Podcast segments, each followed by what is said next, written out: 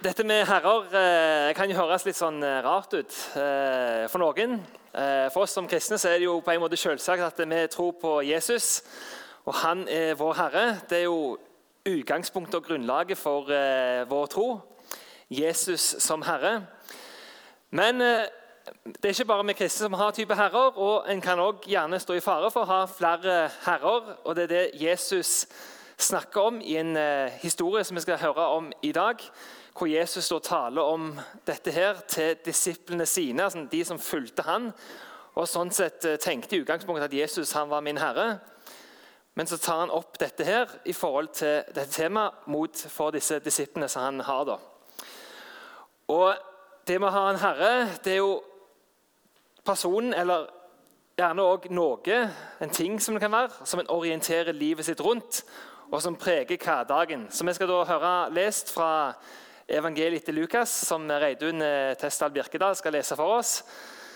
Og Vi kan ta oss og reise oss mens vi hører evangelieteksten bli lest fra kapittel 16, vers 1-15. Eh, lignelsen om forvalteren som handla klokt. Jesus sa til disiplene det var en rik mann som hadde en forvalter. Av andre fikk han vite at denne forvalteren sløste bort formuen hans.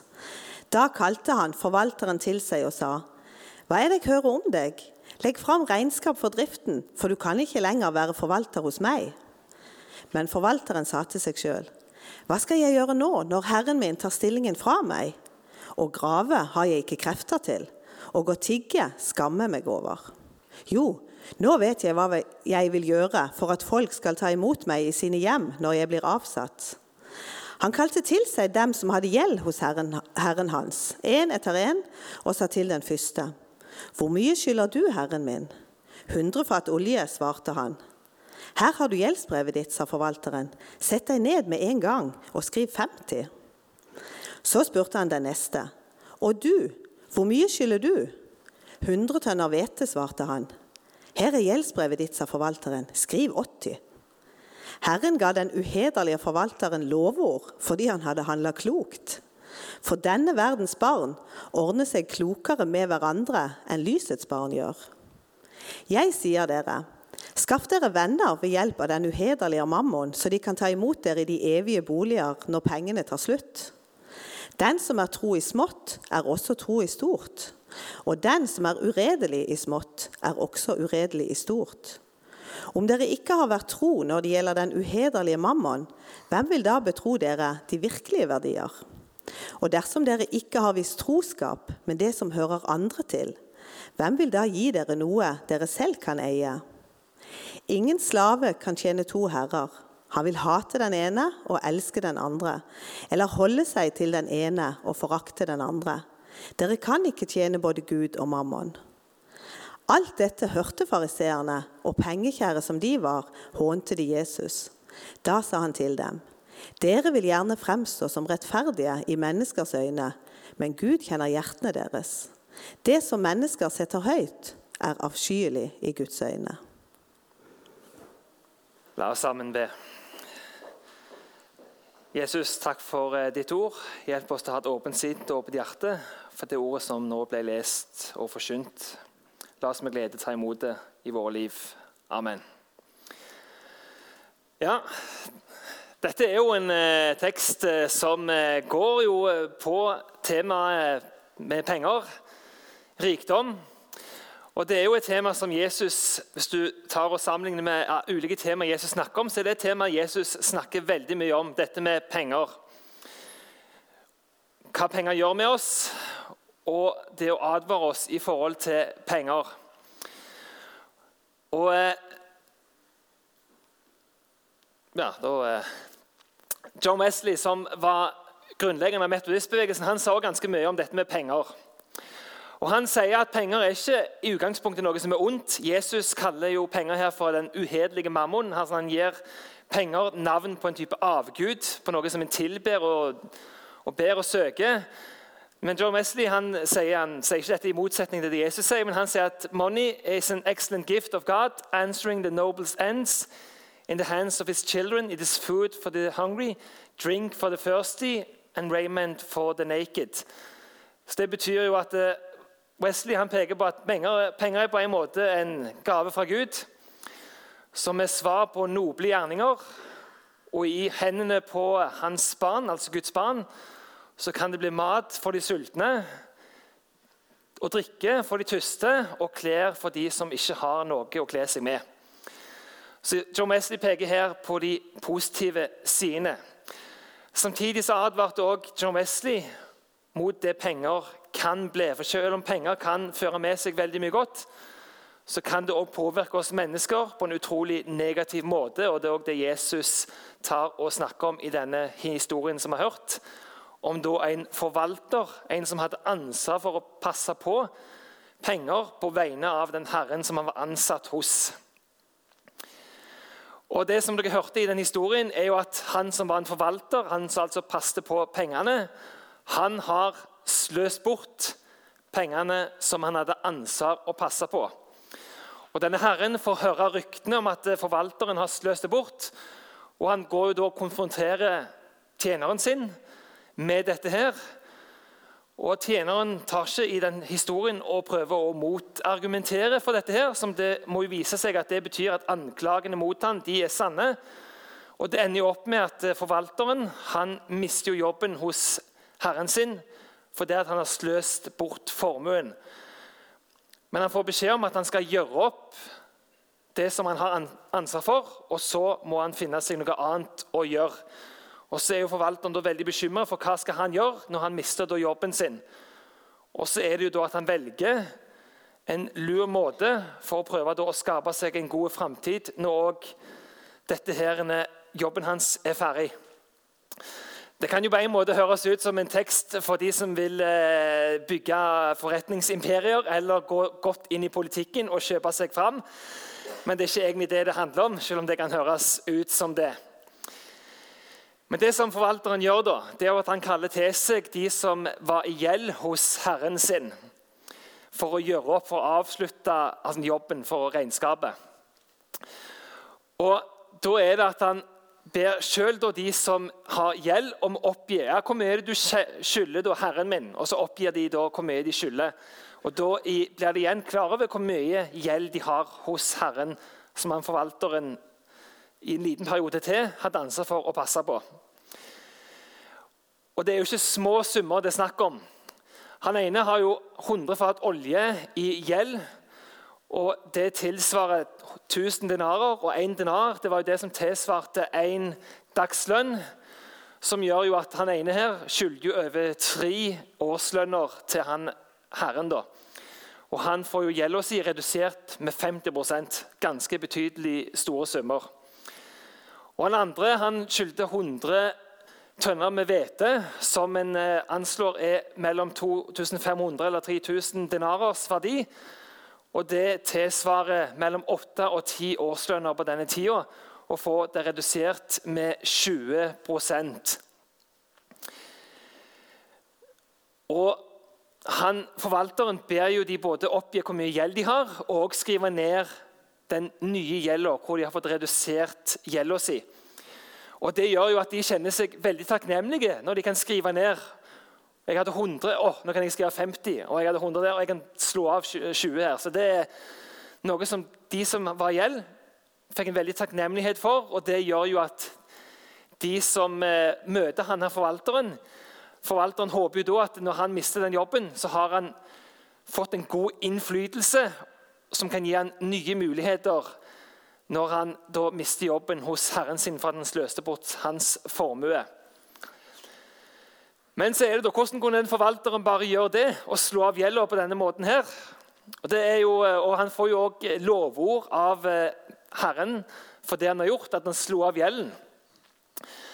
En, det går jo tre sånn hovedteorier på det. Det ene er at han bare slår av gjelden, at han reduserer gjelden. Kanskje da for å gi de som har gjeld, større eh, større pågang for å betale ned gjelda. At de kanskje ikke hadde råd til det i utgangspunktet. sånn at han slår av gjelda, Så får de veldig mye lyst til å nå betale ned det som de hadde gjeld. Det er en, eh, en teori. Det andre er at han eh, slår av det som, er, det som tilsvarer rentene på det opprinnelige lånet ut ifra loven som jødene hadde i Det gamle testamentet, hvor, hvor det da var forbudt å ta renter av lån når han skulle låne ut til sin fattige bror. Så kanskje er det at han slår av rentene som var på dette lånet, eller at han slår av det som gjerne skulle vært en type provisjon til han forvalteren, til han tjeneren. da. Men han får lovord av denne herren sin på det han har gjort. Og det gjør at han i, fall i sine egne øyne, kan gå en lysere tid i møte når han nå mister den opprinnelige jobben sin som forvalter hos herren sin. Ut ifra dette her så kan en lure litt ja, hva er det egentlig dette handler om. Men jeg tenker at det handler om tre ting, denne her teksten her, som vi har lest. Det handler om dette med forvalterskap, det handler om dette med å være sjenerøs, og det handler om dette med trofasthet. Først for å ta dette med forvalterskap. Forvalterskap som denne personen i denne historien handler om at her er det en som har ansvar for å ta vare på en formue som en annen eier. altså ta vare på andres eiendeler. Og På en måte så er vi alle mennesker forvaltere. For det at alt det vi har, alt det vi er gitt, er jo gitt oss fra noen. Gitt oss fra Gud. Som kristne så tenker vi jo at alt det vi har, kommer fra Gud. Og I den aller første boka i Bibelen, første Mosebok, så gir Gud alle menneskene der et påbud i forhold til hvordan en skal bruke det som nå Gud hadde skapt i verden. Og, og hvor det da står at Vær fruktbare og bli mange, fyll jorden og legg den under dere. Dere skal råde over fisken i havet og over fuglene under himmelen og over alle dyr som de kryr av på jorden. Vi som mennesker er gitt et ansvar fra Gud, et forvalteransvar i forhold til det Gud har skapt. Gud har gitt oss ansvar å forvalte hans skaperverk, til å ta vare på det, til å bruke det til beste for oss og til ære for Gud. Og Det gjør at egentlig det å si at uh, dette her er bare mitt, det blir på en måte litt feil. fordi at uh, alt det vi har, er jo igjen gitt oss av Gud. Og mulighetene til å jobbe, til å tjene penger, er gitt oss òg fra Gud. Gud har gitt oss våre evner, våre gaver, våre talenter. Og Hvis en tar det virkelig til seg, så bør det jo på en måte gjøre noe med perspektivet vårt på livene våre. At eh, vi har et ansvar for å ta godt vare på det Gud har gitt oss. Vi har et ansvar for å dele med hverandre. For alle mennesker er også skapt av Gud. Og vi har også da også et type ansvar for andre mennesker. Ikke bare for oss sjøl, men med ansvar for hele verden. Som kan høres litt stort ut, men igjen, hvis en brekker det bare litt ned til hvem er det jeg kan være en neste for, hvem er det jeg kan stille opp for, hvem er det som trenger min støtte og hjelp? Og Hvor annerledes hadde ikke verden sett ut hvis fokuset hadde vært mer på det som denne bibelteksten handler om, enn det å trekke opp grenser og gå til krig når en opplever sjøl at nei, grensene mine må bli større, som det skjer igjen og igjen. Eller at noen kaver til seg veldig mye, mens andre må slåss om det absolutt minimum som en har av materialer i verden. Det andre går dette med sjenerøsitet. Og Det følger jo dette med Jesus' sinnelag, altså, altså sånn som Jesus sjøl opptrådte. Det er et eh, spill på Nintendo som jeg synes er veldig gøy, som heter Animal Crossing. Og det Spillet begynner med at du kommer til en eh, landsby med tog. og Så kommer du der uten å ha noe. Og Så møter du da fort en som heter Tom Nook, som er da eh, lederen for den daglige dagligvarebutikken i denne byen. Og Av han her så blir du da gitt et hus, en plass å bo, en eiendom, som ser jo veldig bra ut. Eller det ser ut som ei rønne da, når du får det, med masse kakerlakker og sånt som springer rundt inni det huset. Også, men du tenker ok, nå har du en plass å bo, og så får du da beskjeden etter du har overtatt dette rønna, at eh, nå, nå står du i en enorm gjeld til meg. Så Mesteparten av resten av spillet går jo til å nedbetale gjelda på det du fikk i dette spillet når du kom der. Så Da må du ut og skaffe mat og selge. Du må ut og hogge ned trær og frukt. og sånt. Så det går på at du skal betale ned gjelda som du har fått. Det høres jo ikke så veldig gøy ut, men det er ganske gøy, det spillet. Når det er spill, så blir alle sånne type oppgaver mye kjekkere. Men poenget med denne historien er at Gud han er jo ikke en sånn som han Tom Nook, som gir oss noe. Og så Hvis ikke vi betaler tilbake, så skal han sende sånn som han sier her, en haug med vaskebjørner på oss eh, for å straffe oss. da. Hvis ikke vi betaler ned de her 1000 eh, bells eh, som er valutaen i denne byen til i uka. Gud gir oss jo alt det han gir oss ut ifra sin nåde, utelukkende ut ifra sin godhet. Ikke med tanken om at nå skal dere stå i gjeld til meg, og dere skal betale tilbake til meg. Det er ikke sånn Gud opptrår. Gud gir oss av nåde. Han forventer ikke noe tilbake. Han gir oss det han gir oss fordi han er bare god. Fordi at Gud er kjærlighet, så gir han oss det han gir oss. Ikke for at vi skal være en type nedbetalingsgjeld til han. I forhold til dette med generøsitet så sa John Wesley, som igjen var metodismens grunnlegger, han har en sånn regle som han utforma for de som var metodister på hans tidsalder. Og for de som var metodister på den tida, var de aller fleste del av den fattige arbeiderklassen. Og Da er det viktig for John Wesley at han utforma regler eller kommentarer til Bibelen som var veldig enkle å forstå for de som ikke hadde utdannelse. og sånt. Og Han hadde da en alminnelig regel som han kalte det, hvor han sier at i forhold til dette med økonomi at tjen alt du kan, eh, spar alt du kan, gi alt du kan. Og Det var en regel som John Wesley sjøl levde etter. Han utga jo masse bøker, han reiste jo mye rundt. Eh, men når han døde, så var han lutfattig. For det alt han hadde tjent opp på å møtevirksomhet, på å utgi bøker, det hadde han gitt til fattige og investert inn i menighetsarbeidet. Og så var det det som Han var veldig bekymret for John Wesley, i forhold til dette med rikdom. Det er det som nok ble mer og mer vanlig blant metodistene i forhold til den setningen han hadde utforma. At en beholdt 'tjen alt du kan', Spar alt du kan. Så Etter hvert som metodistene ble mer og mer velstående, og det ble mer og mer velstående og sånn, ikke, Du gikk fra å være en sånn fattig arbeiderklassebevegelse til å mer gå opp en del klasser. Så minka faktisk gammelheten. Jo mer penger han fikk, jo mer holdt han fast på det. Som var John Wesleys store fare og skrekk i forhold til framtida for metodist bevegelsen i forhold til å holde fast på sjenerøsiteten. Jesus for å ta igjen, han eide jo ikke så mye i form av materielle verdier da han vandret rundt på jorda. Men Jesus ga avkall på alt det han hadde av sin rikdom i himmelen når han kom ned til jorda. Og Jesus brukte all sin tid for andre mennesker. Så Jesus' sinnelag var preget av sjenerøsitet, det å stille opp for andre og gi av seg sjøl for andre. Så er det jo noe sånt En kan stille seg ja, hvor mye skal en gi til eh, av det en eier.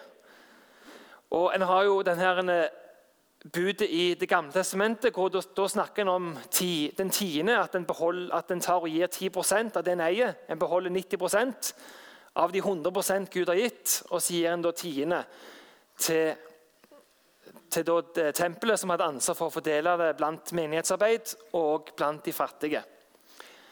I Det nye testamentet så finner en ikke en sånn, sånn regel som 10% men en finner da om at en blir bedt om å legge av eh, penger.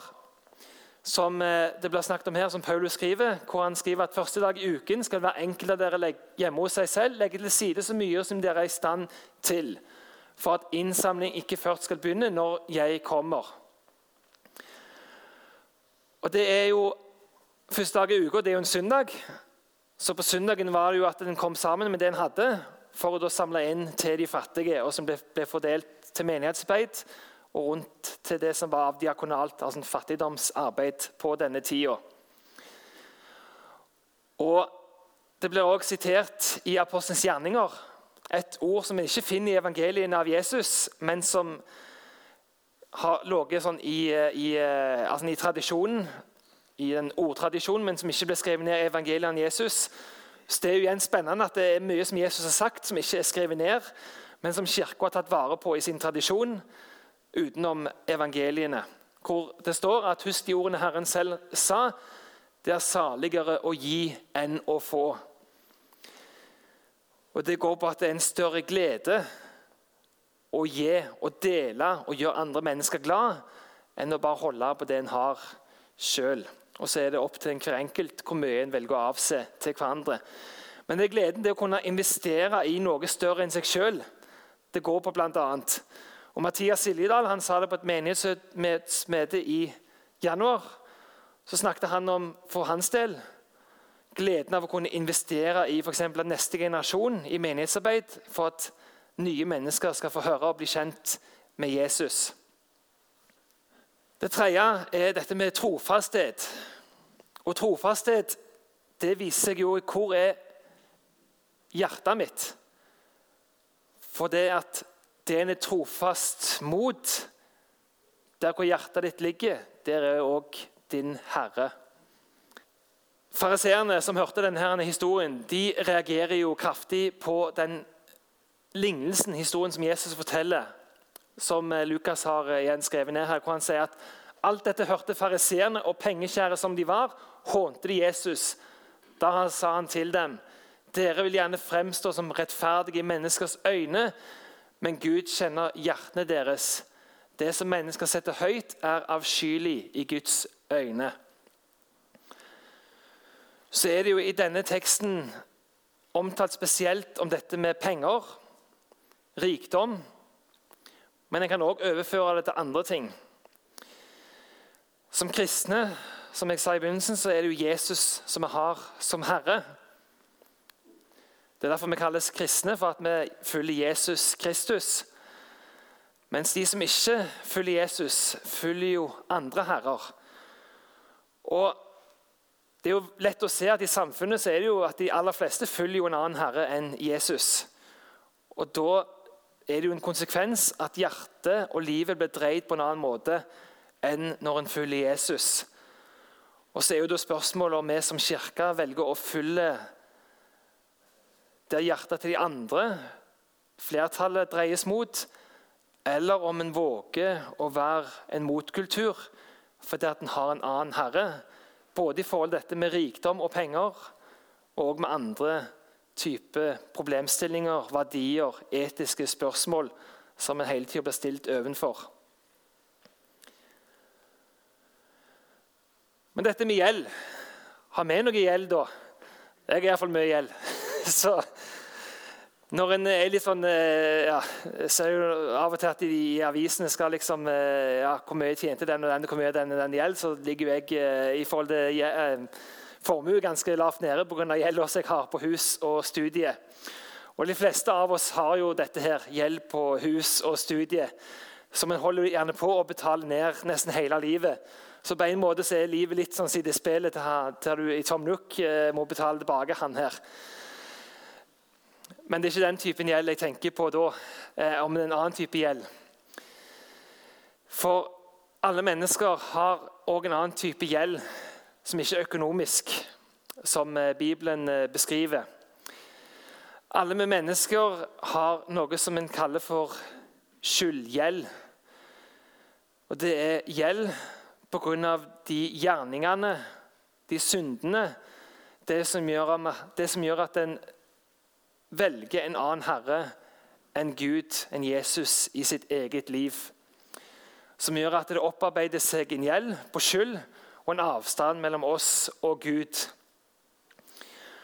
Og Den gjelda kan ingen av oss sjøl gjøre opp, uansett hvor mye penger vi måtte ha av material rikdom. Så kan vi ikke gjøre opp dette på egen hånd men det er det Jesus gjør opp for oss. Og så er det sånn at Selv om vi i egne øyne kan tenke at ja, den personen har mer gjeld enn meg, og at vi tenker selv at det er en forskjell mellom oss, så er det som Jakob skriver i brevet som er oppbevart i Det nye testamentet, at hvis vi snubler i ett av budene, som handler om å gjøre det gode, så har vi samtidig gjort oss skyldige i å bryte alle. Har han først brutt én lov, så har han brutt loven. og dermed opparbeida seg en skyldgjeld. Men det gode budskapet er det som Paulus skriver om i Kolosserne, hvor han skriver at, i Kolosserne 2, 13-14 at dere var døde pga. misgjerningene og deres uomskårne kjøtt og blod, men han gjorde dere levende sammen med Kristus da han tilga oss alle våre misgjerninger. Gjeldsbrevet mot oss slettet han, det som var skrevet ned med lovbud. Han tok det bort fra oss da han naglet det til korset. Så Jesus er den som tar vekk all den skyld og gjeld som vi måtte ha, som ødelegger forholdet vårt til Gud. Jesus er den som sjøl går inn og gjør opp vår gjeld for at vi kan ha et godt forhold med Gud. Og I forhold til hva type herrer en vil tjene i livet, så er det her en herre som gjør dette for oss. Hva andre typer herrer er det en kjenner til i samfunnet og i historien som opptrer på den måten som Gud gjør for oss?